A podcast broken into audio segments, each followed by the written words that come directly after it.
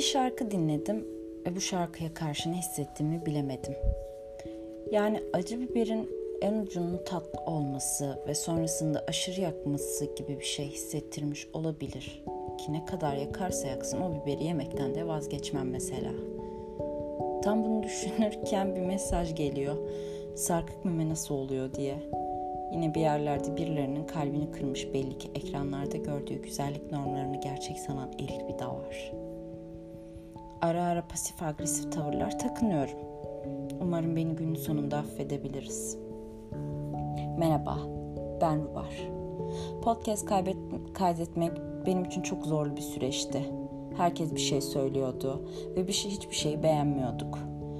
Ben de ne isimsiz, ne bir şeysiz, sessiz sakin bir şeyler yapmaya karar verdim. Bu şarkı bana ne mi hissediyordu? Hissettiriyordu. Kaçmayı ve kurtulmayı, acı biberin acısından kıvranırken yo güzelmiş aslında diyebilmeyi. Aylar önce bir duvarda ne hissediyorsun diye bir soru görüp altta yazan mail adresini hemen kaydedip uzun uzun ne hissettiğimi yazmıştım.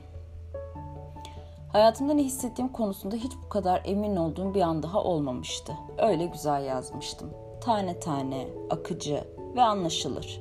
Ciğerimi de dökmüştüm hani kağıda. Öyle çok acı da değildi. Dengeyi de sağlamıştım. Neyse, attım maili.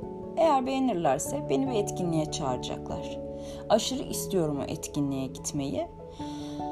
Ve e, bir hafta falan sonra hislerimin mi, yazdığım şeyin mi, neyin olduğunu anlamadığım ama her neyse yetersiz olduğunu öğrendiğim bir mail aldım. Ya şaşkınlık değil de o kağıda yazdığım şeyi hissediyordum. Bu kadar gerçek bir şeyi nasıl yetersiz bulabilirler diye şaşkınlıkla bir paket cips yedim.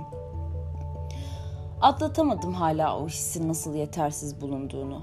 Anlayamadım da. Hayır buna kim karar veriyor? Ayrıca kimsin arkadaşım sen?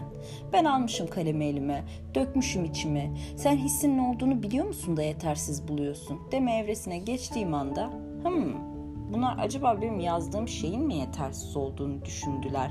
Yani acaba ben yazarken mi yetersiz yazdım diye düşünüp tekrar yazdım. Tekrar attım mail adresine. Sonra hep de atmaya başladım.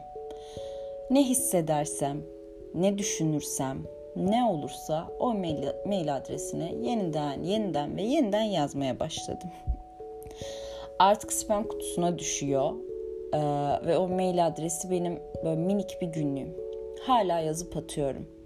Sonra bir gün dinlediğim bir podcast üzerine anlatmaya karar verdim. Şimdi söyleyin arkadaşlar, gerçekten yetersiz mi benim hissettiğim şey?